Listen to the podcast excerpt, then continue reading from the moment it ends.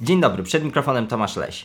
Dzisiaj w podcaście OSW historia, która może stać się w przyszłości dobrym motywem przewodnim dla filmu szpiegowskiego. Białorusko-rosyjska gra o ropę, w której ceną jest niezależność państwa białoruskiego. O co chodzi w tym sporze? Dlaczego jest on tak ważny? Opowiedzą nam eksperci Ośrodka Studiów Wschodnich. Szymon Kardaś, Dzień dobry. analityk OSW do spraw polityki energetycznej i Kamil Kusiński, analityk zajmujący się Białorusią. Dzień dobry.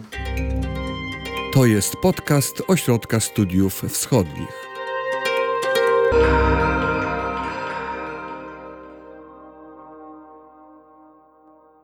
Panowie, o co chodzi w tym sporze Białoruś-Rosja w sporze naftowym? Kamil Kusiński. Tutaj pojawiła się już konwencja filmu szpiegowskiego. Ja bym może na, nawiązał do kiepskiej komedii sensacyjnej, kiedy nie wiadomo właściwie kto kogo goni, a kto ucieka, czy zabili go i uciekł.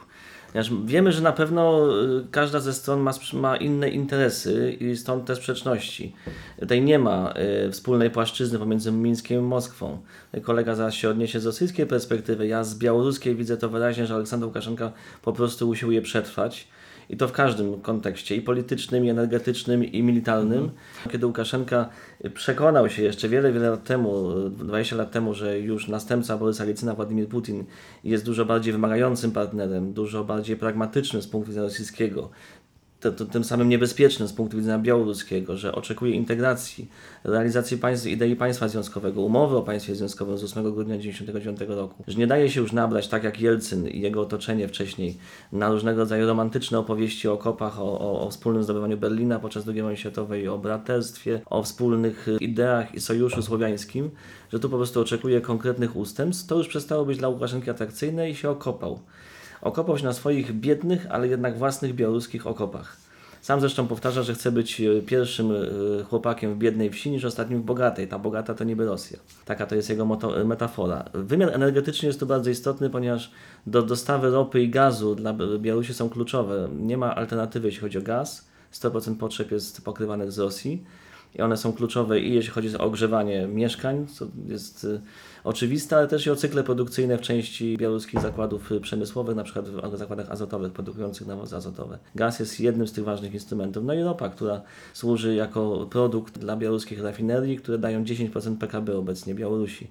To są bardzo kluczowe instrumenty i ten szantaż rosyjski właśnie poprzez ceny energii poprzez y, warunki dostaw ropy i gazu jest wykorzystywany, roz, rozgrywany, nie powiem, że bardzo bez, bezwzględnie, bo Rosja tutaj też ma zmienne podejście, ale jednak widać, że naciski są i obecnie mamy kolejną odsłonę tego, tego kryzysu, aby za pomocą tych instrumentów zmusić Łukaszenkę do ustępstw. Z rosyjskiej perspektywy tutaj są dwa aspekty istotne. Jeden, o którym Kamil już wspomniał, czyli ten wymiar polityczny. Niewątpliwie e, Rosja konsekwentnie dąży do tego, by zrealizować w jakimś wariancie e, integrację rosyjsko-białoruską, która tak naprawdę oznacza wzmocnienie rosyjskiej kontroli nad Białorusią w różnych wymiarach. W wymiarze politycznym, e, w wymiarze gospodarczym, którego elementem oczywiście jest też e, ten instrument energetyczny, a więc doprowadzić do, krótko mówiąc, takiej sytuacji, gdzie pole manewru władz białoruskich Aleksandra Łukaszenki będzie jeszcze mniejsze. To nie jest tak oczywiście, że w Moskwie jest przekonanie, że Aleksander Łukaszenka może dokonać skutecznie zwrotu na e, zachód i nagle radykalnie zmienić e, wektory, że tak powiem, e, polityki zagranicznej białoruskiego państwa. E, Ale jednocześnie, i musimy o tym pamiętać, że to jest bardzo ważny czynnik, e, pewien element paranoi w myśleniu rosyjskiej elity, że te kontrole e, jednak warto zwiększać tak na wszelki wypadek trochę. W związku z tym ty- to jest jakby ten wymiar polityczny, który niewątpliwie jakby w ramach tego sporu rosyjsko-białoruskiego jest niezwykle istotny. No i wreszcie wymiar drugi, taki powiedziałbym bardziej pragmatyczny. Moskwa z jednej strony oczywiście chce być imperium i ten swój mocarstwowy status musi potwierdzać właśnie wzmacnianiem wpływów, no szczególnie w tej przestrzeni poradzieckiej, którą uważa za takie swoje geopolityczne terytorium kanoniczne, y, jeśli można użyć takiego sformułowania. Ale oczywiście jednocześnie dąży do tego, by koszty utrzymywania tego imperium były jak najniższe. A więc y, obserwujemy w ostatnich latach próbę optymalizacji y, obciążeń finansowych, jeśli idzie o, o podtrzymywanie tego imperialnego statusu. I Białoruś jest też bardzo dobrym case'em w tym kontekście. E, Od kilku lat e, e, przeprowadzają e, w ramach regulacji wewnętrznych tak zwany manewr podatkowy, czyli poważne zmiany w prawodawstwie, które dotyczy opodatkowania sektora naftowego. Celem tego manewru podatkowego jest, najkrócej rzecz ujmując, doprowadzenie do całkowitej likwidacji ceł eksportowych na ropę surową i dwa, od 2025 roku ta stawka ma wynosić zero. I jednocześnie progresywne do tego e, momentu zwiększanie tak zwanego podatku od wydobycia, podatku NDPI. Co będzie oczywiście oznaczało, że e, ceny ropy, zarówno na rynku e, rosyjskim, no ale też dla odbiorców zewnętrznych, będą rosły. Do tej pory oczywiście było tak, że Rosjanie ropę na Białoruś dostarczali bez ceł eksportowych. E, W tej chwili, kiedy ten manewr e, jest wdrażany i kiedy ten manewr zostanie zakończony, jeśli tych ceł nie będzie, a jednocześnie wzrośnie cena ropy, no to w naturalny sposób Białoruś znajdzie się w dużo gorszej sytuacji, jeśli chodzi o warunki, e, o warunki tychże dostaw. I Czyli koniec ropy za pocałunki. Koniec ropy za pocałunki. I to oczywiście jest poważny problem dla i poważne wyzwanie dla Białorusi, a jednocześnie jakby ze strony rosyjskiej no, jest to forma też w jakimś tam sensie optymalizowania kosztów, która ma i ten wymiar e, zewnętrzny, ale też ważny wymiar wewnętrzny, bo pamiętajmy, że ten, e, ten manewr, który nie bez oporów e, firm naftowych rosyjskich jest wdrażany, przede wszystkim był pomysłem tak zwanego bloku rządowego finansowego, no, który liczy na to, że dzięki tej reformie wzrosną bezpośrednio dochody rosyjskiego budżetu. Tutaj bardzo ważnym kontekstem, o którym też rozmawialiśmy w poprzednim podcaście z Kamilem Kusińskim, e, jest kontekst rozmów odnośnie państwa związkowego i większej integracji. Tutaj też mówiąc o tej ropie za pocałunki, nawiązałem też do tego podcastu i tej relacji, która była między Białorusią a Rosją. I tutaj pytanie o obecny status, bo to jest myślę bardzo ważne w kontekście tej gry o ropę. Obecny status rozmów na temat y, państwa związkowego na początek marca 2020 roku. No, status nie jest y, satysfakcjonujący dla strony rosyjskiej. Nie jest to y, historia sukcesu. Rosja, mimo tego, że często prezentuje się jako rzeczywiście imperium, co najmniej regionalne, które ma wielkie atuty i właściwie do, do, dominuje na obszarze poradzieckim, nie osiągnęła tutaj y, zbyt wiele. Właściwie od grudnia jeszcze poprzedniego roku, czyli 2018 roku, toczą się teraz chyba nawet już zawieszone negocjacje odnośnie map drogowych, 31 map drogowych integracji rosyjsko-białoruskiej, które mają te integracje urealistycznić i przyspieszyć, ponieważ mimo tego, że umowie, umowa o państwie związkowym z 8 grudnia 1999 roku, jak z tej daty wynika, ma już ponad 20 lat, i odbyły się w grudniu ubiegłego roku bardzo nieudane, a właściwie nie, nie odbyły się obchody tej e, rocznicy. Miały się odbyć, ale klimat pomiędzy Mińskiem i Moskwą to e, uniemożliwił. No cóż, ta umowa nie jest wdrażana. Podobno 31 mapa drogowa dotyczy już rzeczy bardzo poważnych, czyli instytucji ponadnarodowych, wspólnego nadprezydenta państwa związkowego, którym wiadomo, że chciałby zostać Putin bądź ktoś inny z Rosji, z tytułu przewagi demograficznej, gospodarczej, e, energetycznej, militarnej, jakiejkolwiek innej. Wiadomo, że Rosja jest, byłaby dominującym podmiotem w takim ureali- urealistycznionym, urealnionym państwie związkowym. Dlatego Łukaszenka stara się to za, zablokować, utrzymać wirtualny charakter państwa związkowego, licząc jednocześnie, że wciąż za jakieś tam pocałunki, uśmiechy i inne e, czułe słówka, sentymentalne opowieści o braterstwie, które Łukaszenka bardzo lubi i czasem mam wrażenie, że on nic innego już nie jest w stanie wymyślić w tych stosunkach rosyjsko-białoruskich, że za to otrzyma właśnie dalsze preferencje. Tutaj nie jest już tak skuteczny również, ale myślę, że większą porażkę ponosi Rosja, która nadmuchała ten balon, wyznaczyła sobie ambitne cele, a tymczasem okazało się, że nie jest w stanie Łukaszenki nakłonić do ustępstw w żadnej z tych 31 sfer. Łukaszenka totalnie się uparł, zablokował. Czy to dotyczy rolnictwa, polityki rolnej, czy to dotyczy polityki energetycznej, czy właśnie tego nadprezydenta. Tutaj nie ma zgody białoruskiej na tego typu porozumienie.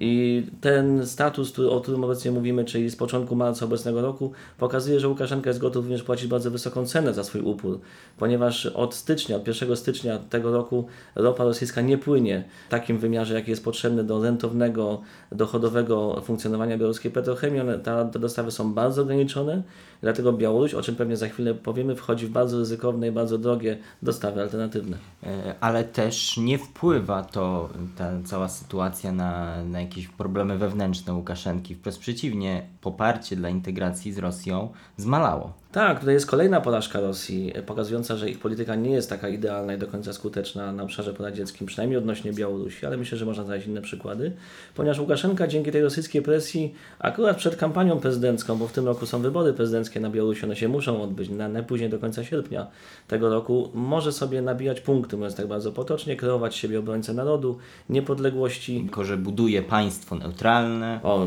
on twierdzi, że już zbudował. A teraz, a teraz broni. A teraz broni. Tak, a teraz broni Szwajcarii, Europy Wschodniej. Czy tam y, kiedyś Gerard Depardieu nawet się też zachwycił, że widzi w Białorusi Szwajcarię Europy Wschodniej. No cóż, to pozostawiamy już y, do wyjaśnienia Gerardowi Depardieu, dlaczego tam zobaczył Szwajcarię. E, Jest to z pewnością kraj, który chce przetrwać i to jest faktem, bo władze tego kraju chcą przetrwać, elity chcą przetrwać. Nie chcą być elitami, ubogimi elitami Wielkiej Rosji, Wielkim Państwem Związkowym, chcą być elitami swojej Białorusi, to jest zrozumiałe. Łukaszenka teraz kreuje się na obrońcę. Tym bardziej jest mu to potrzebne, że nie ma za bardzo nic więcej ludziom do zaoferowania, ponieważ pieniędzy jest mało. Teraz jeszcze mniej w związku z, ze spadkiem do, dochodów z, ropy naftowej, z produktów naftowych. Widzimy to po styczniu, kiedy PKB spadło o 2%. To jest bardzo duże, duży spadek. Wcześniej rosło, niewiele, ale rosło na Białorusi. Właśnie w związku z tym, z tym kryzysem naftowym. No cóż, jeżeli nie ma pieniędzy, no to trzeba oferować ideologię. Ideologią jest obrona suwerenności. Wróćmy do Rosji. Jak ważne po tej stronie rosyjskiej, mówiłeś tutaj, zwracam się do Szymona Kardasia, mówiłeś więcej o tym aspekcie gospodarczym, ale w kontekście tych rozmów integracyjnych, jak ważne dla Rosji są te rozmowy z państwem związkowym odnośnie państwa związkowego? Jest tu aspekt taki, że dla Putina może być to szczególnie ważne, bo robi on sobie miejsce na polityczną emeryturę? Jeśli idzie o płaszczyznę polityczną, y, to istotne są dwa y, elementy. Po pierwsze, to jest oczywiście ten element tradycyjny, o którym już y, wspominałem, to znaczy, no jeśli chce się być imperium, to trzeba umacniać swoje pozycje w tej przestrzeni, które, którą się traktuje jako, ja, jako strefę swoich uprzywilejowanych interesów, jak to Rosjanie sformułowali w 2008 roku, y, czy też strefę wpływów, jak zwykliśmy my, y, analitycy, o, o tego typu sposobie myślenia mówić. I oczywiście e, takie kraje jak Białoruś, e, Ukraina, Mołdawia, e, nie wiem, kraje Kaukazu Południowego, no to jest naturalny obszar, który e, Rosjanie e, traktują jako konstytuujący ten imperialny status w wymiarze e, e, regionalnym. I w związku z tym polityka e, Rosji putinowskiej w tym zakresie no, pozostaje e, niezmienna. Z różnymi oczywiście skutkami, najbardziej chyba taką spektakularną porażką do tej pory przynajmniej jest e, Ukraina, gdzie e, okazało się, że wywieranie presji e, politycznej, militarnej, gospodarczej przy instrumencie też energetycznym no doprowadziło do skutków e, odwrotnych niż zamierzone, bo z jednej strony oczywiście Rosjanom udało się e, przejąć Krym i e, zdestabilizować e, część wschodniej Ukrainy, no ale z drugiej strony te zmiany polityczne, które w tym kraju zachodzą, są kompletnie sprzeczne z tym, jaką e, Ukrainę chciałaby widzieć e, Moskwa. E, W przypadku Białorusi sytuacja jest e, e, w związku z tym je- jest o tyle inna, że oczywiście te rosyjskie wpływy są dużo silniejsze, przede wszystkim jeśli idzie o współpracę polityczną, współpracę w sferze bezpieczeństwa, wspólne e, manewry wojskowe, e, bardzo zaawansowana współpraca, jeśli idzie o, o tę płaszczyznę wojskową. W związku z tym trudno sobie wyobrazić właśnie taką, taką zamianę wektorów. No ale tym niemniej, jeśli chce się być imperium, no to w związku z tym trzeba cały czas starać się te swoje wpływy w tych krajach, które uważamy za konstytuujące nasz imperialny status, e, po prostu e, e, podtrzymywać. Więc to jest jakby element pierwszy. I drugi element na, na froncie białoruskim, który e, zaczął być komentowany w kontekście szczególnie tego ostat, ostatniego e, sporu, czy tej ostatniej fazy sporu e, energetycznego, który obserwujemy, który no, zbiega się właśnie z kolejną rundą rozmów o, o pogłębianiu integracji, to jest e, pomysł na to, jak rozwiązać z perspektywy Władimira Putina problem roku 2024. Mówiło się swego czasu, że e, Czyli końca drugiej kadencji. Czyli końca drugiej kadencji, zgodnie z jeszcze obowiązującą konstytucją, chociaż wiemy, że trwa proces wnoszenia poprawek do tejże konstytucji, które mają być za kilka tygodni e, głosowane. Ale ten wariant pogłębionej integracji z Białorusią i być może właśnie reaktywacji państwa związkowego, stworzenia jakichś dodatkowych stru struktur ponadnarodowych, miałoby umożliwić Władimirowi Putinowi poprzez właśnie objęcie takiej funkcji ponadnarodowej, no przedłużenie swoich rządów. Już nie w samej Rosji, ale na czele właśnie jakiegoś tutaj reaktywowanego państwa związkowego Rosji i Białorusi i w ten sposób jakby obejść te ograniczenia, które e, w konstytucji e, są. No ale to oczywiście wymagałoby zgody e, władz białoruskich, której najwyraźniej e, nie ma i ze słów Łukaszenki wynika, że e, z jednej strony są rosyjskie naciski, a z drugiej strony jest bardzo mocny opór i odpór na razie dawany e, w tym kontekście przez Mińsk. I pytanie oczywiście, na ile to nadal jest jeszcze scenariusz, który Władimir Putin rozważa e, w kontekście e, tego, co po roku 2024. Niektórzy e, sygnalizują, że właśnie to, że w tej chwili obserwujemy tak, taki zwrot w kontekście właśnie zmian w konstytucji i, i tak wielu różnych propozycji, które się pojawiają,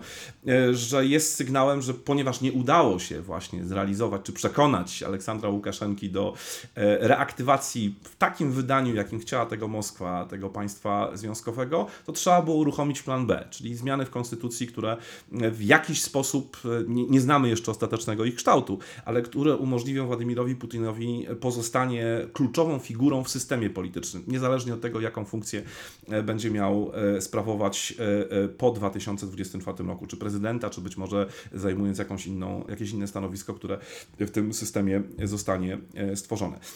Więc to- to, jest pytanie, czy nadal jakby Białoruś w tym kontekście jest rozważana, czy nie. I myślę, że te najbliższe, nie wiem, tygodnie czy miesiące dadzą nam pewną odpowiedź na, na, na, to pytanie. Znaczy, na ile Moskwa jest zdeterminowana, by nadal tą kartą grać i też i- jaki tak naprawdę scenariusz się za tym, e, czy jakie oczekiwanie się za tym kryje, bo przyzwyczailiśmy się postrzegać oczywiście te ostre instrumenty, które Moskwa wykorzystuje, no tak jak teraz w sferze energetycznej, jako formę presji po to, by osiągnąć pewne koncesje polityczne, ale jednocześnie widzimy przynajmniej w ciągu ostatnich dwóch tygodni jednak też złagodzenie stanowiska, tak?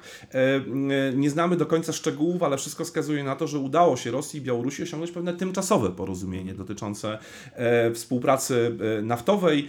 Moskwa dała zielone światło na to, by firmy rosyjskie naftowe zawierały, na razie jeszcze nie znamy szczegółów, ale, ale taki, taki sygnał został wyrażony, aby zawierały umowy na dostawy ropy na Białoruś w większej skali niż to obserwowaliśmy w styczniu i w lutym i jednocześnie gotowość, e, że tak powiem, obniżenia tak zwanej premii, którą rosyjskie firmy naftowe uzyskiwały z tytułu dostaw ropy na e, Białoruś. To są z kolei słowa ministra energetyki. Ze słów Aleksandra Łukaszenki wynikało, że Moskwa też wstępnie zgodziła się na ja- jakąś częściową tutaj rekompensatę tego wdrażanego manewru podatkowego, przy czym nie jest jasne do końca o jakich kwotach mówimy. Łukaszenka mówi jedno, ze słów e, e, strony rosyjskiej wynika, że tutaj żadne konkretne kwoty raczej, raczej nie zostały na razie A potwierdzone. jeżeli już, jeżeli już to są niższe kwoty. To są niższe kwoty, no, właśnie. E, Ale tym niemniej to pokazuje, że jednak, że jednak Moskwa też jakby zrobiła de- delikatny krok, e, krok wstecz w tej chwili, co, co, co, co właśnie wzmacnia tutaj ten, ten, ten wątek e, wątpliwości co do tego, no, na ile będzie zdeterminowana, by w tych najbliższych tygodniach i miesiącach jakby forsować ten, tę agendę właśnie pogłębiania integracji w takim jakimś e, ostrzejszym wymiarze. O możliwościach kompromisu porozmawiamy na koniec, ale tutaj y, zaciekawiła mnie jedna kwestia, to znaczy jak na potrzeby opinii publicznej, czy to białoruskiej, czy rosyjskiej, zwłaszcza białoruskiej myślę jest to ciekawe, jest tłumaczony ten spór. Czy w ogóle to pojawia się w przestrzeni publicznej białoruskiej? Jak to jest tłumaczone? Jako walka o niezależność, czy po prostu, no dogadujemy się, są jakieś tam negocjacje, nic szczególnego się nie dzieje? To jest już to, o czym mówiłem. Rosja pomogła tak naprawdę i to jest naprawdę dla mnie ewidentny przykład y, złej orientacji, kiepskiej, słabej wiedzy o sytuacji na Białorusi i specyfice białoruskiego reżimu, jaka, jaka jest w Moskwie. O tym może za, za chwilę, bo to jest też bardzo ciekawy wątek. Łukaszenka bez przerwy o tym mówi. Choć Czasem robi krótkie przerwy, ale no, prawie, prawie cały czas ten wątek się pojawia, bo jest to mu na rękę. Po prostu y, uchodzi teraz za obrońcę. On ma nadzieję, że skutecznego obrońcę. No tak, z tą skutecznością to nie jest do końca idealnie. Jego skuteczność polega na tym, że się nie ugiął, ale też od Moskwy nie załatwił y, ze strony Rosji, tak jak już kolega Szymon powiedział, nie załatwił takich ustępstw, takich pieniędzy, jakie by chciał załatwić, żeby już naprawdę wyglądać na zwycięzcę, ale pokazuje, że Rosja jest niesprawiedliwa, że Rosja jest nielojalna w tym kwestii sojuszu, że Białoruś tyle dla Rosji zrobiła i to poczynając od II wojny światowej właśnie od ONZ, przejdę przez ONZ, przez Białoruś współzakładała z Ukrainą Białoruś i, i, i Rosją ONZ jako części składowe Związku Radzieckiego. I to rezonuje na społeczeństwo białoruskie. Ten ONZ może słabo. Na, Znaczy ogólnie mówię. Tak, no generalnie ma to swoje oddziaływanie, ale nie przesadzałbym też z tym, nie mamy badań socjologicznych, to jest też problem. Łukaszenka wypalił rynek socjologiczny, wyciął wszystko do imentu, yy, nakazał zamknąć władze białoruskie, taką presję skuteczną, że niezależne ośrodki białoruskie socjologiczne wyjechały, wyemigrowały, albo się po prostu zamknęły, w związku z czym nie, nie mamy wiarygodnych badań. Możemy tylko przypuszczać, że Łukaszenka nabija sobie punkty, co jest dla niego ważne w kontekście wyborów prezydenckich. Mówi właśnie o tej rosyjskiej niesprawiedliwości. Pojawiają się na przykład, już o ONZ mówiłem, czy II wojnie światowej, ale bardzo często pojawia się wątek Czarnobyla, że przecież Białoruś przyjęła na siebie, bo to jest akurat prawda, y, większą część tych radioaktywnych opadów, tych, tych różnych wyziewów y, z katastrofy w Czarnobylu. To wynika z położenia geograficznego, szczególnie południowej Białorusi, obwód homelski, tuż na północ od Czarnobyla właśnie, czyli północnej Ukrainy, północno-wschodniej no tak było i Łukaszenka wytwarza teraz zobowiązanie, że przecież tyle wycierpieliśmy, a to była sowiecka elektrownia, Rosja jest spadkobierczynią Związku Radzieckiego, niech płaci. Hmm. My się zrzekliśmy broni atomowej w 1996 roku, ona wyjechała dokąd? Do Rosji, budowaliśmy tu pokój, budujemy dalej, jesteśmy państwem sta stabilnym, bezpiecznym. Są dwa obiekty wojskowe na Białorusi, rosyjskie obiekty wojskowe, stacja wykrywania radiolokacyjna, wykrywania obiektów latających w Hancewiczach, w okolicach Baranowicz i stacja y, sterowania ruchami rosyjskich łodzi podwodnych w Wilejce, na, też na zachodniej Białorusi. To są rosyjskie obiekty wojskowe dzierżawione od Białorusi. Łukaszenka używa szereg takich już znanych analitykom i nie tylko wyświetlanych argumentów, bo nic innego nie ma. Ale na pewno zbudował sobie, wzmocnił, w każdym razie wzmocnił, może nie do końca zbudował, wzmocnił swój wizerunek tak, takiego mm, obrońcy, tu jest inny problem. Dużo słabiej wygląda jego pozycja, moim zdaniem, w oczach nomenklatury, bo ile prostym ludziom można coś takiego pokazać, takie show, szczególnie bardzo prostym ludziom, którzy mają tylko ten e, stary telewizor i, i 3-4 kanały państwowe, białoruskie i trochę rosyjskich, ale wytłumaczyć na nomenklaturze białoruskiej, mm -hmm. że wciąż jestem waszym gwarantem, że jesteście tutaj elitą i że ja skutecznie z Rosją wszystko załatwię, będzie, będzie trudno. I to jest, to jest duże wyzwanie. Ja nie mówię, że, że Rosja wykreuje spisek antyłukaszenkowski, bo do tego bardzo daleko, ale myślę, że autorytet Łukaszenki w oczach białoruskiej nomenklatury może słabnąć. Mhm. Tylko to też tutaj brak twardych badań, to jest po prostu moje przypuszczenie. No tak, nie potrafimy zajrzeć za kulisy, czy tam nie ma jakichś ludzi, którzy są chętni być lepszym Łukaszenką dla Rosji. Myślę, że to jest tak ryzykowny sport, że w ten sposób to nikt poważnie nie myśli. Na, natomiast mogą się coraz bardziej oglądać na, na Rosję, mhm. w sensie takim czekać, obserwować, yy, obserwować bieg wydarzeń. To może być, a na pewno będą yy, mniej wierzyli w to, że, że Łukaszenka jest ich skutecznym liderem. Jego autorytet może słabnąć. To nie prowadzi do przewrotu, bo do tego daleko, to jest twardy reżim, dość skutecznie rozstrzygający pewne rzeczy, ale dyscyplina i skuteczność funkcjonowania tego reżimu może ulec pewnemu rozprzężeniu. Mhm.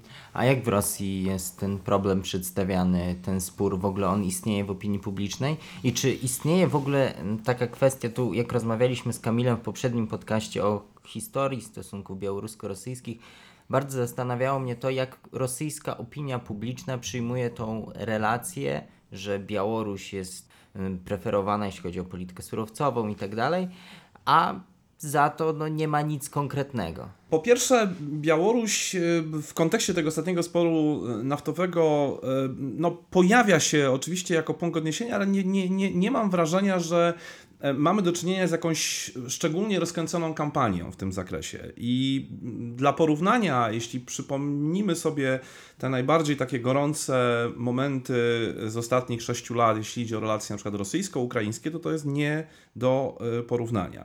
E, I Ukraina w takiej przestrzeni publicznej, jako punkt odniesienia, jako, jako przedmiot e, dyskusji, czy eksperckich, czy, czy w programach telewizyjnych, jako obiekt tutaj bardzo negatywnej propagandy, no, w nieporównywalny sposób jest rozgrywana w porównaniu z, z Białorusią i tymi problemami, które od czasu do czasu i różnymi sportymi kwestiami, które od czasu do czasu wypływają. Po drugie, To, co jest też charakterystyczne y, i to się pojawia w wielu komentarzach, chociaż tak jak mówię, bez rozkręcania jakiejś szczególnej kampanii, y, to jednak podkreślanie tego, że Rosja w pewnym sensie y, od lat tę Białoruś finansowo podtrzymuje i stosuje takie warunki współpracy, które odbiegają od rynkowych. Jest takie powiedzenie, które no, czasami można spotkać w rosyjskiej przestrzeni publicznej. Ono zresztą nie tylko jest używane w odniesieniu do, do relacji z Białorusią, ale też czasami w odniesieniu do e, innych partnerów Federacji Rosyjskiej, albo czasami nawet do tych najbardziej dotowanych regionów rosyjskich. E, Chwatit karmić e, Białoruś ili chwatit karmić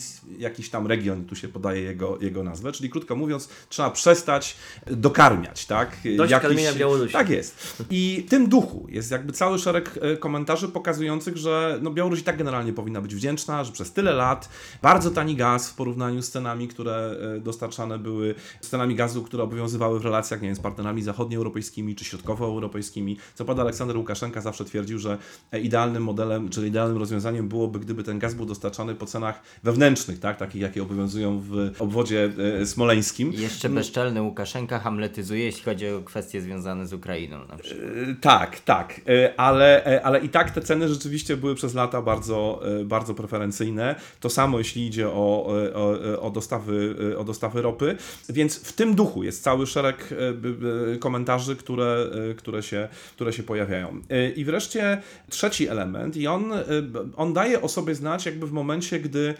rzeczywiście dochodzi do pewnych zdarzeń, które no niekoniecznie muszą mieć jakieś, e, jak wiemy, nie, zwykle nie mają przełożenia na, na jakieś mm, realne korekty polityki zagranicznej, ale są e, w pewnym e, w takim wymiarze symbolicznym e, dla e, Moskwy groźne. Takie jak na przykład e, ostatnia wizyta sekretarza Pompeo, tak? czyli jakiś rodzaj symbolicznej demonstracji ze strony władz białoruskich, że mamy tutaj jakieś opcje gdzieś potencjalnie na, na, na Zachodzie i tego typu wizyty oczywiście wywołują w takim wymiarze e, politycznym odpowiednie reakcje, e, zwykle ostrzejsze w e, komentarzach. Niezależnie od tego oczywiście, że, że istnieje takie przekonanie, że ta Białoruś i tak od nas nie odejdzie, tak? Znaczy, biorąc pod uwagę skalę powiązań, ale jednocześnie wtedy, wtedy oczywiście w, jakby w tej debacie publicznej e, pewne e, akcenty czy elementy e, ostrzejsze w ocenie się pojawiają. I jeżeli chodzi o tą ostatnią odsłonę, to ja bym jeszcze dorzucił jeden element, czwarty. To znaczy Rosjanie już w kontekście stricte tego, tego sporu naftowego, czy tej ostatniej odsłony sporu naftowego, który, który obserwujemy i tych różnych zapowiedzi o e, gotowości czy woli dywersyfikacji i tak dalej.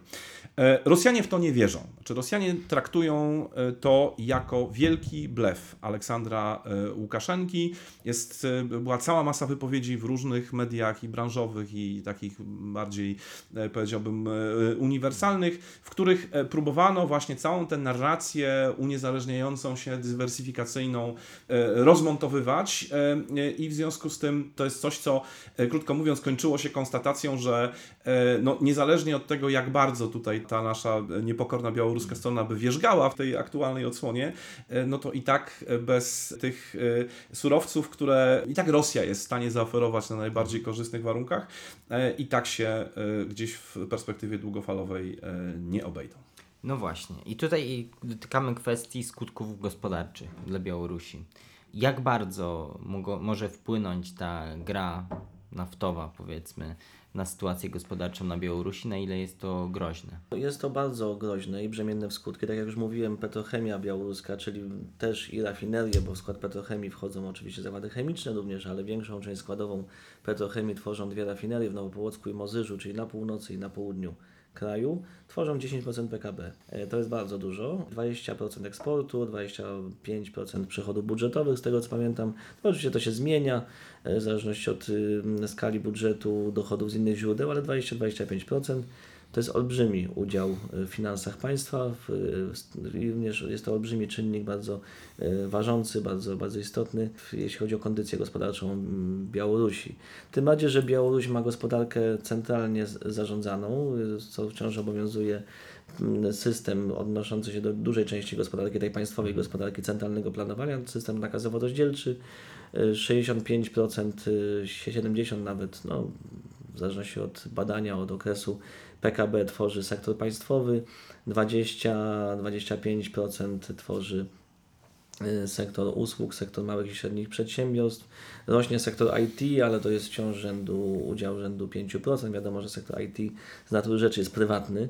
Tego nawet Białorusini nie wymyślili, żeby były państwowe firmy IT. Tutaj, to, tutaj oni zdają sobie sprawę z tego, że w ten sposób zadusiliby kurę znoszącą, znoszącą złote jajka. Nie prowokuj. Myślę, że nie jestem w stanie. Nie jestem w stanie. Łukaszenka wielokrotnie powtarzał, że on nawet do komputera nie podchodzi, nie wie co to za diabeł tkwi w tym internecie, ale no, zresztą to też kwestia popokoleniowa. A Putin Ale- ma jakiegoś bardzo starego Windowsa na komputerze. No, bo pewnie go nie używa, tylko sobie tak zdjęcie Kremla czy, czy, czy Moskwy też to zauważyłem gdzieś tam na potrzeby medialne. Jest tam wyświetlone na różnych zdjęć czy filmików z nalot. Łukaszenka nie zna się na internecie, znać się już nie będzie. To jest rocznik 54, nie oszukujmy się. Na- Natomiast on rozumie, że tu są potężne dochody, że jest to przyszłość Białorusi i pozwolił działać.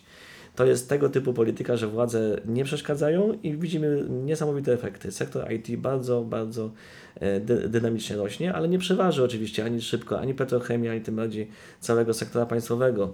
Więc krótkoterminowo, zanim IT przeważy, władze białoruskie potrzebują korzystnych ce- cenowo dostaw ropy i szerzej korzystnych cenowo dostaw gazu. Tutaj bym się odniósł jeszcze do jednej ważnej kwestii. Szymon mówił, że ceny gazu dla Rosji, dla Białorusi były preferencyjne. One już moim zdaniem, znaczy nie tylko moim, ale też to pewnie potwierdzisz, nie są preferencyjne obecnie. Obecnie. tak. Obecnie tak, przy obecnych tendencjach na Tak, światowych obecny rynkach gazu, na tak. europejskim rynku gazu, 127 dolarów za 1000 metrów sześciennych gazu, jakie obecnie w tym roku ma Białoruś, to jest właściwie stawka ubiegłoroczna przedłużona na, na ten rok i tu Łukaszenka ma rację, on też pomstuje bardzo w tym temacie, to jest za dużo. To jest cena, cena ponad y, średnią, bądź blisko tej ceny średniej i na pewno nie jest ona preferencyjna. Może się w pewnym momencie okazać, że Białoruś będzie krajem, który płaci jedną z najwyższych stawek na rosyjski gaz, przynajmniej w Europie. Może się tak okazać. W 2019 to wyglądało oczywiście inaczej, dlatego że średnia cena dostaw e, Gazpromu do odbiorców w zachodniej Europie według kontraktów długoterminowych wyniosła 202. Natomiast w momencie, kiedy Białoruś miała gwarantowaną cenę 127, to rzeczywiście Tak. można było mówić o tym, że no, y, jest, to, jest to stawka preferencyjna, chociaż też z drugiej strony, jeżeli popatrzymy na to, jaką odległość musi ten gaz pokonać, e, żeby dotrzeć do odbiorcy, no to na, na, naturalne jest, że powinien być, e, że ta cena powinna być niższa niż, e, niż dla odbiorcy e, niemieckiego, ale w tym roku, i tu pełna zgoda z tym, co powiedział Kamil, w tym, w tym roku tendencja jest, jest kompletnie inna. Niektórzy analitycy e, sugerują, że w okolicach wakacji ta cena za 1000 metrów sześciennych może spaść poniżej 100 dolarów i No wtedy te właśnie. 127 wygląda już zupełnie inaczej. 127 po prostu wygląda jak ewidentny przejaw politycznej presji. Takim naprawdę już taką, taką tępą pałą przez głowę. I tutaj też chciałbym przy okazji nawiązać, bo czytelnik, słuchacz, przepraszam, jak my głównie piszemy, więc tak odruchowo czytelnik, słuchacz może pozostać z pewnym niedomówieniem, bo tak sugerujemy, że Rosja popełnia błędy, a nie wyjaśniliśmy dlaczego. Otóż my dochodzimy w ośrodku, tak mi się wydaje, w naszych dyskusjach do przekonania, że przeceniamy jakość rosyjskiej ekspertyzy, szczególnie jeśli chodzi o obszar poradziecki. Tam jest za dużo w tym podejściu rosyjskich ekspertów, nie mówię, że wszystkich, ale części z nich, jest za dużo mm, arogancji wobec e, takich krajów jak Białoruś. Jest, oni uważają, że to nasze, zawsze było nasze, jest nasze, no chwilowo oni tam uważają w tym Mińsku, w tym małym Mińsku, tam, że to oni się wyrwą, ale nie, oni zawsze będą przy nas, przecież to są nasi młodsi bracia. To nie sprzyja pogłębionej, jakościowej analizie. To widać, słychać i można też to wyczytać z analiz, które są dostępne w internecie rosyjskich, a potem z działań ro- rosyjskich władz, bo ta, jeżeli właśnie to jest dobry przykład, cena gazu dla Białorusi wynosi 127 y, dolarów za 1000 metrów sześciennych, a ceny ropy rosyjskiej zbliżają się do rynkowych przez ten manewr podatkowy, no to Rosja wpycha Białoruś w inne źródła dostaw, dywersyfikację, czyli tak naprawdę pozbawia się instrumentu wpływu. I sama sobie kreuje Białoruś, która dąży do dywersyfikacji i ucieknięcia od, tej nieza- od tej zależności. No właśnie, w tym kontekście wizyta amerykańskiego sekretarza stanu w Mińsku. Jak Amerykanie zapa- zapatrują się na ten e, spór i jak w tym kontekście odczytujemy tą wizytę? Czy to jest gest poparcia dla Białorusi? No cóż, jest to symboliczny gest poparcia. Ja tak zresztą za- za- zatytułowałem swoją analizę dostępną na stronie ośrodka. Symboliczne wsparcie Waszyngtonu. Waszyngton w osobie Mike'a Pompeo, ważnej postaci sekretarza stanu, czyli ministra spraw zagranicznych USA, osobiście poparł y, Łukaszenkę. To jest, można odczytywać jako poparcie dla ciągłości władzy na Białorusi, również w kontekście tegorocznych wyborów prezydenckich na Białorusi. I nie tyle w tym kontekście, że USA zrezygnowały z praw człowieka, które są ewidentnie łamane, nie, nie tylko naruszane, ale łamane na czasem dość brutalny sposób. To jest autorytarny reżim i tutaj nic, nic się za, za bardzo nie zmieniło poza jakimiś pozornymi ruchami. To nie jest rezygnacja z tych wartości, natomiast na pierwszym miejscu Stany stawiają niepodległość Białorusi, suwerenność w kontekście właśnie nacisków rosyjskich, o których tutaj dużo mówimy. Więc taki symboliczny gest. Ja myślę, że nic za tym na razie bardziej nie pójdzie. Tym bardziej, że Amerykanie rozumieją i Łukaszenka też to rozumie, że to, co Pompeo zadeklarował, 100% dostaw z USA e, e, ropy chociażby, przyszłości, nie wiem, dla większych fantastów LNG, do końca nie wiem jak to miałoby być, ale dobra, no jest to powiedzmy teoretycznie przez Kłajpedę na Litwie w jakimś tam wymiarze możliwe, to jest to bardziej symboliczna deklaracja. To po prostu byłoby zbyt drogie i logistycznie i technicznie trudne do wykonania. Ale Łukaszenka dostał, dostał taki sygnał, który, tak jak już Szymon wspominał, mógł być nerwowo, emocjonalnie odczytany. Ja tylko osobiście muszę się przyznać, trochę przeceniałem skuteczność tego sygnału. Myślałem, że Rosja pójdzie na większe ustępstwa po tej wizycie Pompeo. Ustępstwa rosyjskie są mniejsze. Tym niemniej nastąpiły, chociażby to obniżenie premii o 2 dolary. Więcej firm rosyjskich, które dostarczają ropę niż w poprzednich dwóch miesiącach, co może być też efektem wizyty Pompeo. Czyli wizyta amerykańskiego sekretarza stanu wywołała swój skutek.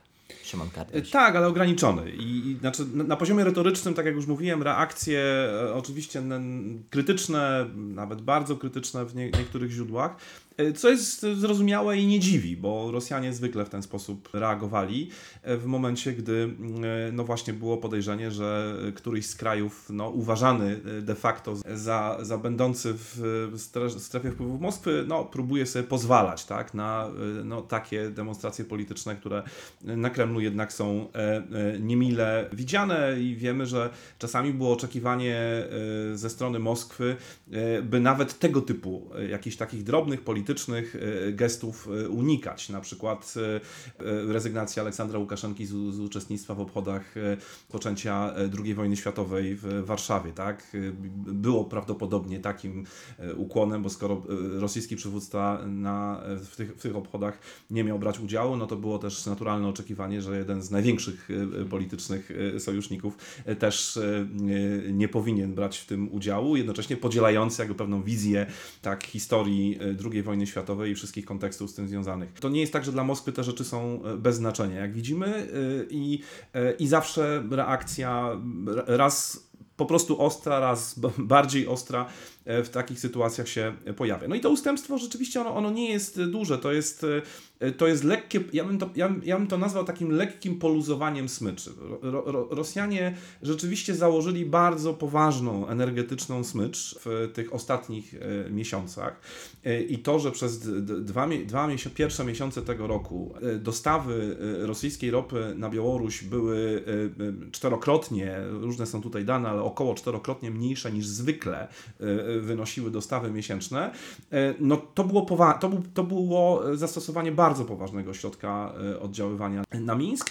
W związku z tym no, to tymczasowe porozumienie, które osiągnięto, jest niewątpliwie tej smyczy lekkim poluzowaniem. Zobaczymy na jak długo i też pewnie najbliższe tygodnie będą nam przynosiły nieco więcej szczegółów co do tego rzeczywiście o ile więcej tej ropy popłynie na Białoruś w porównaniu z, ze styczniem i lutym, e, i lutym e, tego roku. To co jest ważne myślę i, i co trzeba brać też pod uwagę jako element kontekstu, znaczy dlaczego tutaj nagle takie stanowisko e, łagodniejsze też ze strony Moskwy, taka taktyczna pauza można powiedzieć, to e, no, wizyta Pompeo pewnie mogła mieć tutaj jakiś, e, mogła wywrzeć jakiś skutek.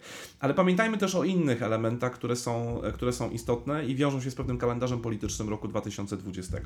Moskwa organizuje 9 maja wielkie święto, a mianowicie uroczyste obchody 75. rocznicy zakończenia e, II wojny światowej. To jest dla Moskwy bardzo ważna, prestiżowa impreza. Jest oczekiwanie, że tych obchodach wezmą udział ważni przywódcy światowi. Jest też oczekiwanie, że być może nawet pojawią się tacy goście jak prezydent Stanów Zjednoczonych. Trump na razie nie powiedział nie na to, na to zaproszenie, które z Moskwy spłynęło. Będzie Macron, już wiemy, z takich ważniejszych polityków europejskich. E, Moskwa chce urządzić, krótko mówiąc, wielkie święto. Biorąc pod uwagę kampanię taką propagandową, którą prowadzi, jeśli idzie o pamięć historyczną, pamięć o II wojnie światowej w ostatnich miesiącach, niewątpliwie chciałaby, aby te, te wydarzenia e,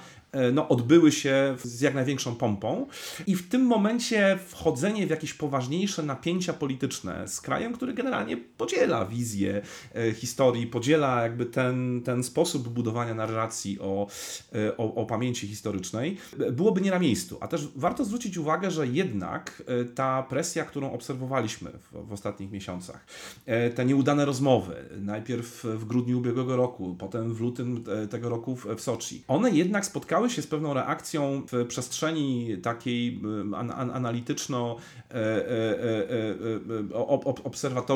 e, po stronie zachodniej. Znaczy, za, zaczęto jednak mówić o tym, że Moskwa, e, że tak powiem, ma zakusy dotyczące Białorusi, że być może w ogóle zagrożona jest białoruska suwerenność, że, że powinniśmy wszyscy mieć radary ustawione na to, co, co się dzieje tutaj na linii Moskwa-Mińsk, dlatego że, że no, niewykluczone, że tym razem Moskwa naprawdę będzie chciała zagrać ostro i, i zrealizować e, te, te, te plany e, zwiększania kontroli białoruskiej w formie jakiejś aneksyjnej nawet. E, Myślę, że to z perspektywy Moskwy też jest nie na rękę. Znaczy, żeby właśnie w obliczu tego, co jest planowane, tutaj nagle e, e, e, tworzyła się taka jakaś atmosfera e, zwiększonego napięcia, bo to oczywiście mogłoby to wielkie święto e, Putinowi popsuć, a wiemy, że tego typu okazje dla Putina są istotne. Pamiętamy, jak bardzo, e, e, jak bardzo przeżywał to, że w momencie, gdy, gdy trwała olimpiada w Soczi, gdy, gdy się kończyła, dochodziło na Ukrainie do tych wydarzeń, które wszyscy z niepokojem obserwowaliśmy, tak? czyli dziejące się protesty, a potem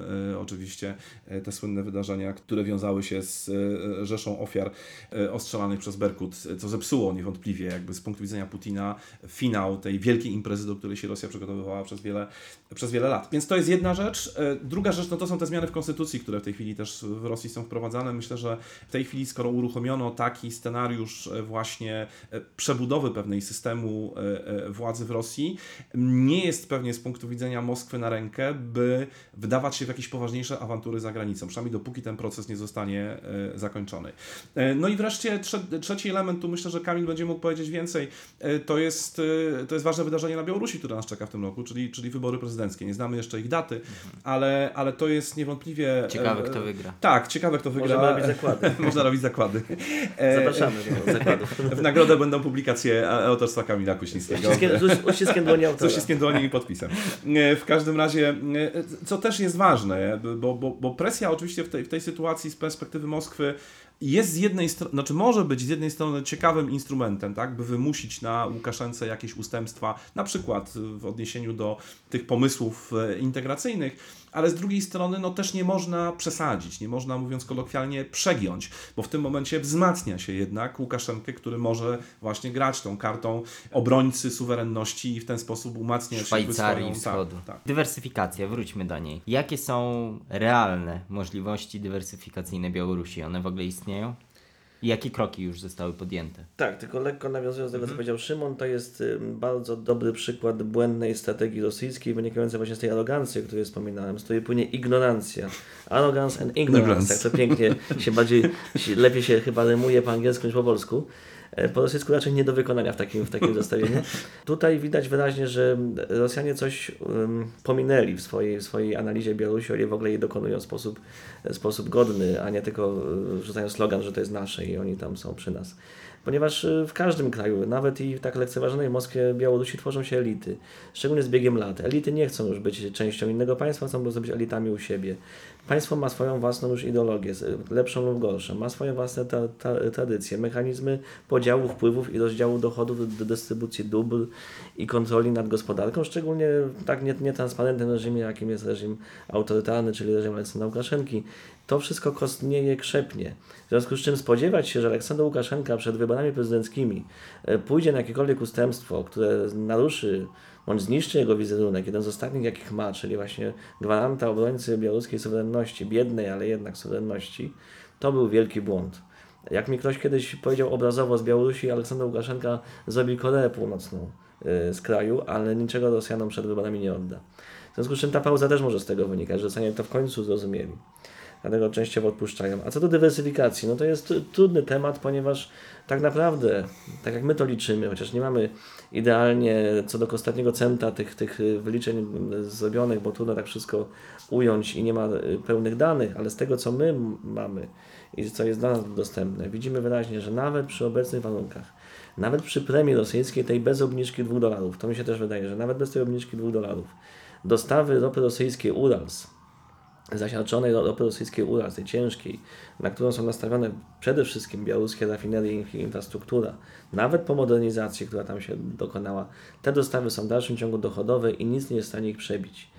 Pytanie otwarte, co się stanie, kiedy Rosjanie za, zakończą manewr podatkowy w 2024 roku, a premia będzie nadal obowiązywała, nawet po obniżce 2 dolarów, to wtedy rzeczywiście jest otwarte pytanie, czy Białorusini są w stanie znaleźć ropę o podobnej cenie. Nie sądzę, żeby znaleźli ropę tańszą ale jeżeli znajdą ropę o podobnej cenie, na przykład kupując na wolnym rynku w akwenie Morza Czarnego czy właśnie Bałtyckiego, tak jak teraz to zrobili, bo kupili 160 tysięcy ton azerskiej ropy, która jest przez Morze Czarne transportowana i rosyjskiej, ale rynkowo, poza rurociągami na Morze Bałtyckim. Czy tutaj nie byłoby alternatywy, żeby właśnie to dywersyfikować? To jest możliwe, natomiast obecnie wydaje mi się, że najrozsądniejsze z białoruskiego punktu widzenia byłoby w większości brać, importować ropę z Rosji, akceptując te warunki, jakie są i po prostu zarabiając na tym jakieś tam pieniądze, nie takie jak były kiedyś, ale jednak osiągając dochód, co jest ważne w kontekście PKB, które spadło w styczniu o 2% i tak dalej. Po raz pierwszy od kilku lat. Po raz pierwszy od kilku lat i to widać ewidentnie efekt e, produktów naftowych, e, które są ważnym czynnikiem, e, elementem polskiego eksportu. I tutaj podtrzymywać budżet, finanse, gospodarkę tym kiepskim, ale jednak dochodem z jeszcze opłacalnej rosyjskiej ropy, a jednocześnie testować, badać różnego rodzaju kierunki dywersyfikacyjne. Na pewno nie, nie będzie konkurencyjna ropa z USA.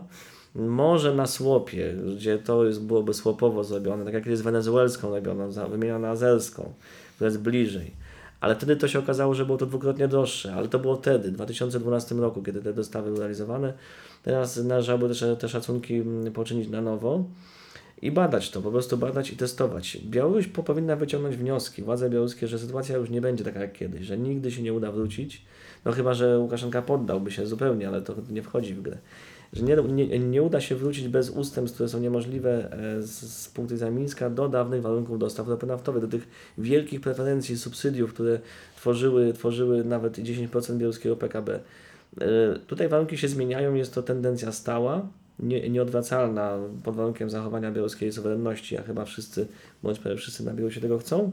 W związku z czym władze białoruskie powinny na stałe, w sposób trwały, systematyczny i kompleksowy myśleć o dywersyfikacji, badać różnego rodzaju warianty. Mhm. Jeśli można by tutaj dorzucić tylko dwa elementy do tego, co mówił Kamil, Jeden przemawiający na korzyść Białorusi, drugi niekoniecznie. Ten pierwszy, e, musimy też pamiętać, że w tej chwili obserwujemy znowu e, trend spadkowy, jeśli idzie o ceny ropy. Oczywiście on jest związany z bardzo szczególnym e, czynnikiem, jakim jest pojawienie się koronawirusa i to, jaki, jaki ten czynnik wywiera wpływ na procesy gospodarcze w różnych częściach świata, na, na, na, na ceny, w tym ceny, w tym ceny surowca, na oczywiście potrzeby E, popytowe poszczególnych, poszczególnych krajów, no bo e, ten wirus niewątpliwie wpływ, będzie wpływał na, na, na spowolnienie gospodarcze w różnych, w różnych państwach, w różnych częściach świata. Już widzimy to na rynkach. I już widzimy to na rynkach, ale znowu, do pytanie jak długo to się utrzyma, tak? No bo e, był taki moment, kiedy ceny bardzo mocno spadały kilka lat temu, potem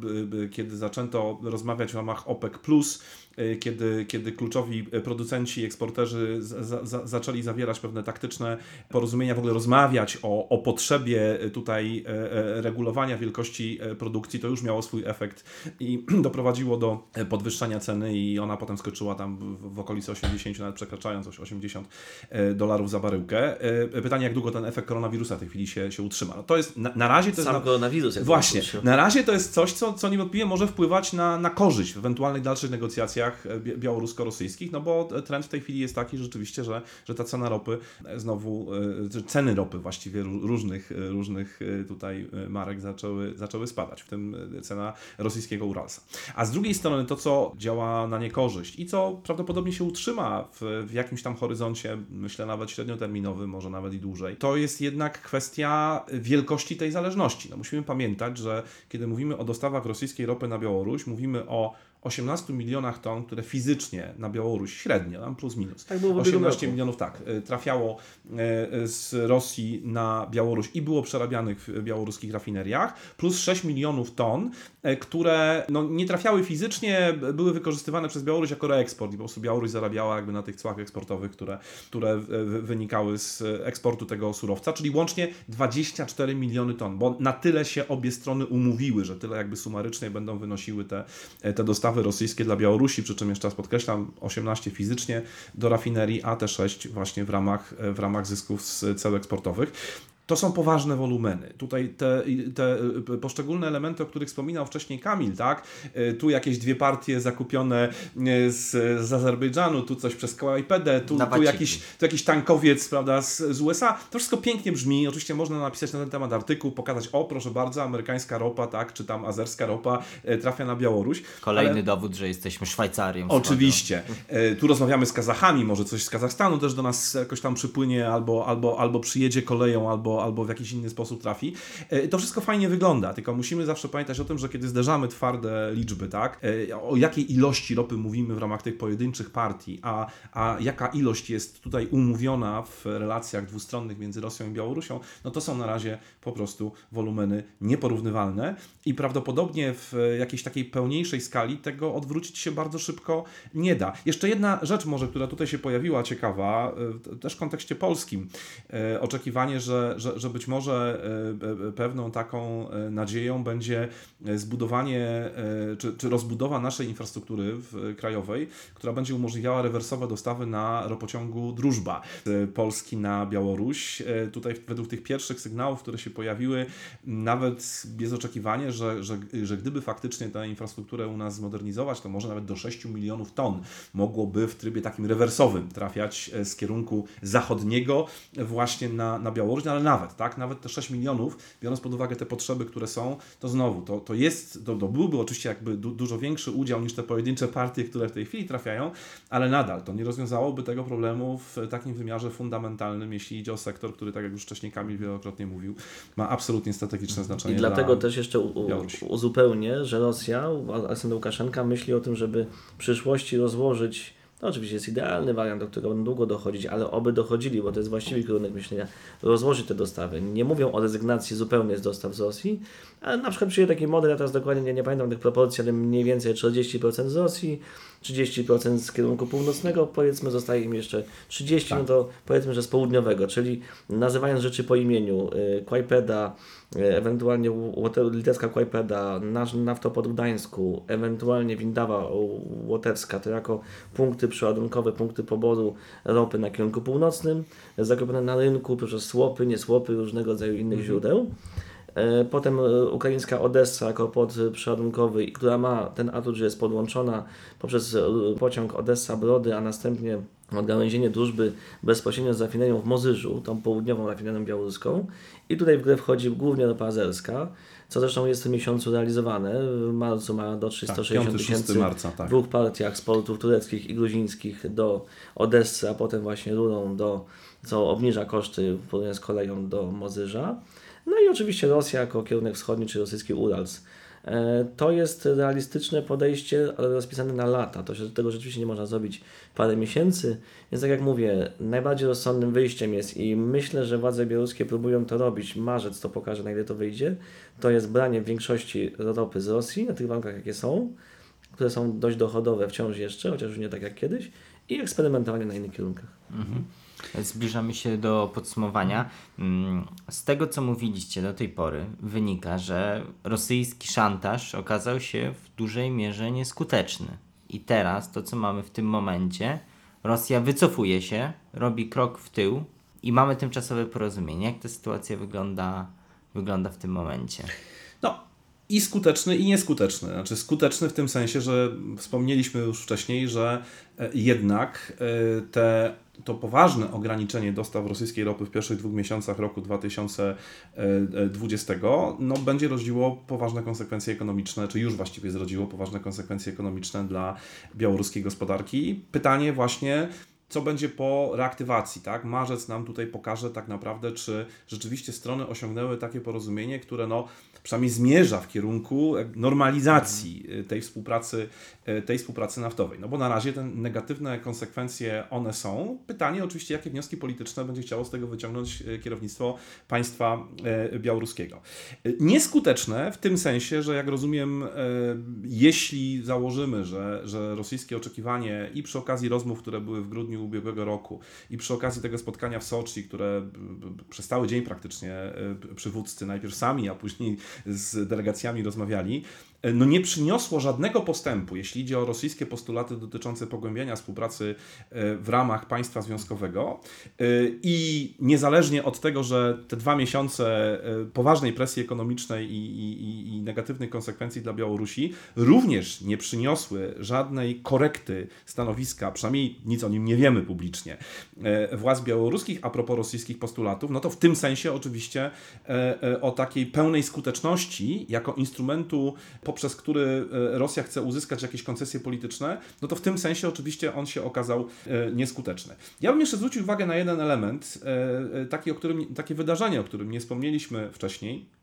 A mianowicie w ramach całego tego procesu tutaj przeciągania liny, tak, negocjacji na różnych szczeblach, w różnych formatach, Ważnym elementem e, była wizyta e, Igora Sieczyna, e, szefa Rosniefti, największego rosyjskiego koncernu naftowego w Mińsku, poprzedzająca właśnie te, te oświadczenia Łukaszenki, a później strony rosyjskiej, że no, jakieś tymczasowe porozumienie nam się tutaj na horyzoncie szykuje. O tym spotkaniu wiemy w zasadzie tylko tyle, że do niego doszło. E, wiemy tylko, że e, Aleksander Łukaszenka bardzo e, pięknie powitał rosyjskiego gościa. Rosyjski gość odwzajemnił tutaj te, te uprzejmości, mówiąc, że zawsze cenił sobie współpracę z Białorusią. Poza tym wiemy niewiele.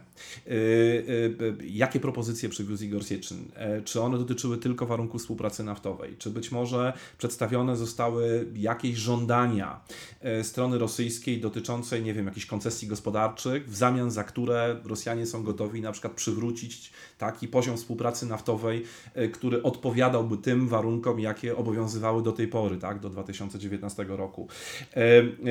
Czy rzeczywiście to oczekiwanie czy takie oczekiwanie zostało wyrażone e, co do tego, żeby na przykład, nie wiem, pewne, e, na, na pewne decyzje Łukaszenka zgodził się przed wyborami, co jak wiemy będzie bardzo trudne, o czym mówił Kamil wcześniej, czy, czy, czy, czy jakieś oczekiwanie promesy na przykład dotyczący nie wiem, sprzedaży aktywów, co mogłoby być zrealizowane już po wyborach, prawda? Tu jest cały szereg znaków zapytania, natomiast wizyty Igora Sieczyna w państwach trzecich nie, nie odbywają się zbyt często, a biorąc pod uwagę pozycję polityczną, jaką ten człowiek ma w systemie władzy w Rosji, jeden z najbliższych współpracowników Władimira Putina, najbardziej lojalnych, który ewidentnie w Mińsku realizował też pewną, e, pewną misję polityczną, a nie tylko stricte gospodarczą. E, to wszystko oczywiście utrzymuje nas pewnej niepewności. Myślę, że te najbliższe tygodnie mogą oczywiście dawać nieco więcej odpowiedzi na te pytania, które zawisły, biorąc pod uwagę dynamikę zdarzeń, którą w tych ostatnich tygodniach obserwowaliśmy. Mhm. A co z kwestiami politycznymi? Czy jakie są prognozy na ten najbliższy czas? Z jednej strony mamy czynnik, który, jak rozumiem, łagodzi politykę rosyjską, czyli sprawa majowych obchodów, a z drugiej strony mamy czynnik, który utwardza politykę białoruską, czyli wybory. No tak, ja też nawiążę krótko do tej reformy konstytucyjnej w Rosji i, i syndromu czynnika 2024 roku, to prawie jak koronawirus już praktycznie. Dla niektórych na pewno. tak, tak. Ja jestem w tej szkole no, otwockiej, a nie, a, nie, a nie falenickiej, która uważa, że Rosja się ewidentnie zwróciła w stronę wewnętrznych mechanizmów.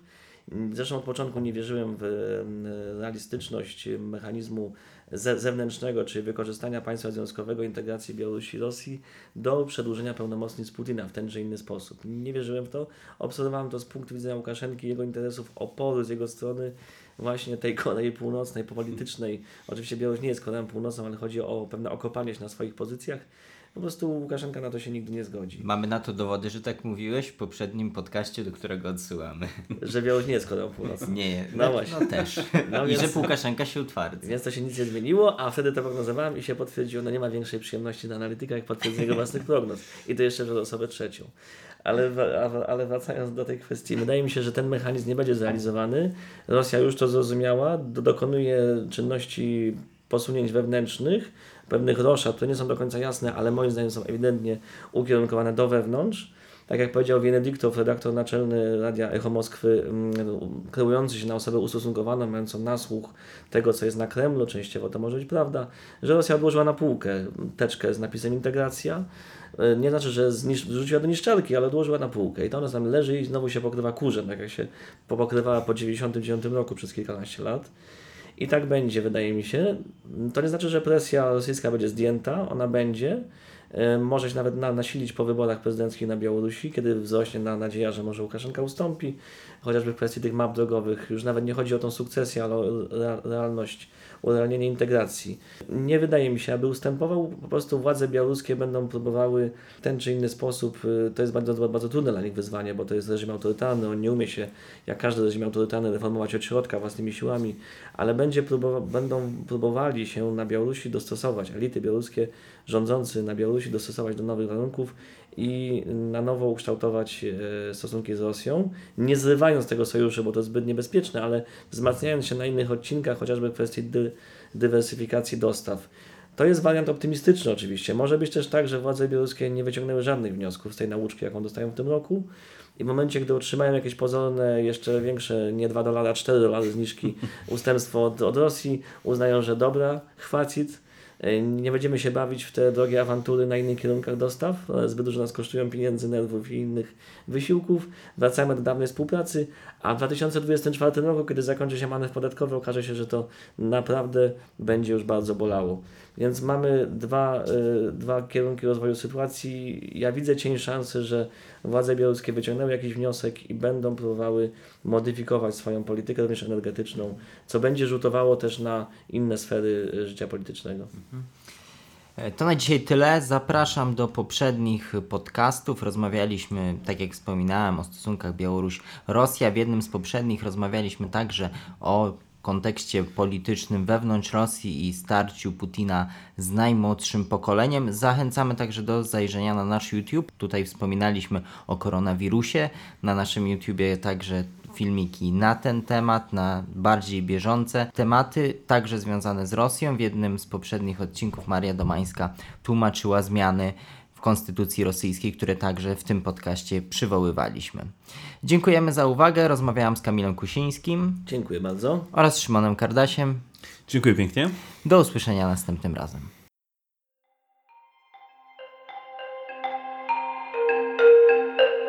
Wysłuchali Państwo podcastu Ośrodka Studiów Wschodnich. Więcej nagrań można znaleźć na stronie www.osw.waw.pl.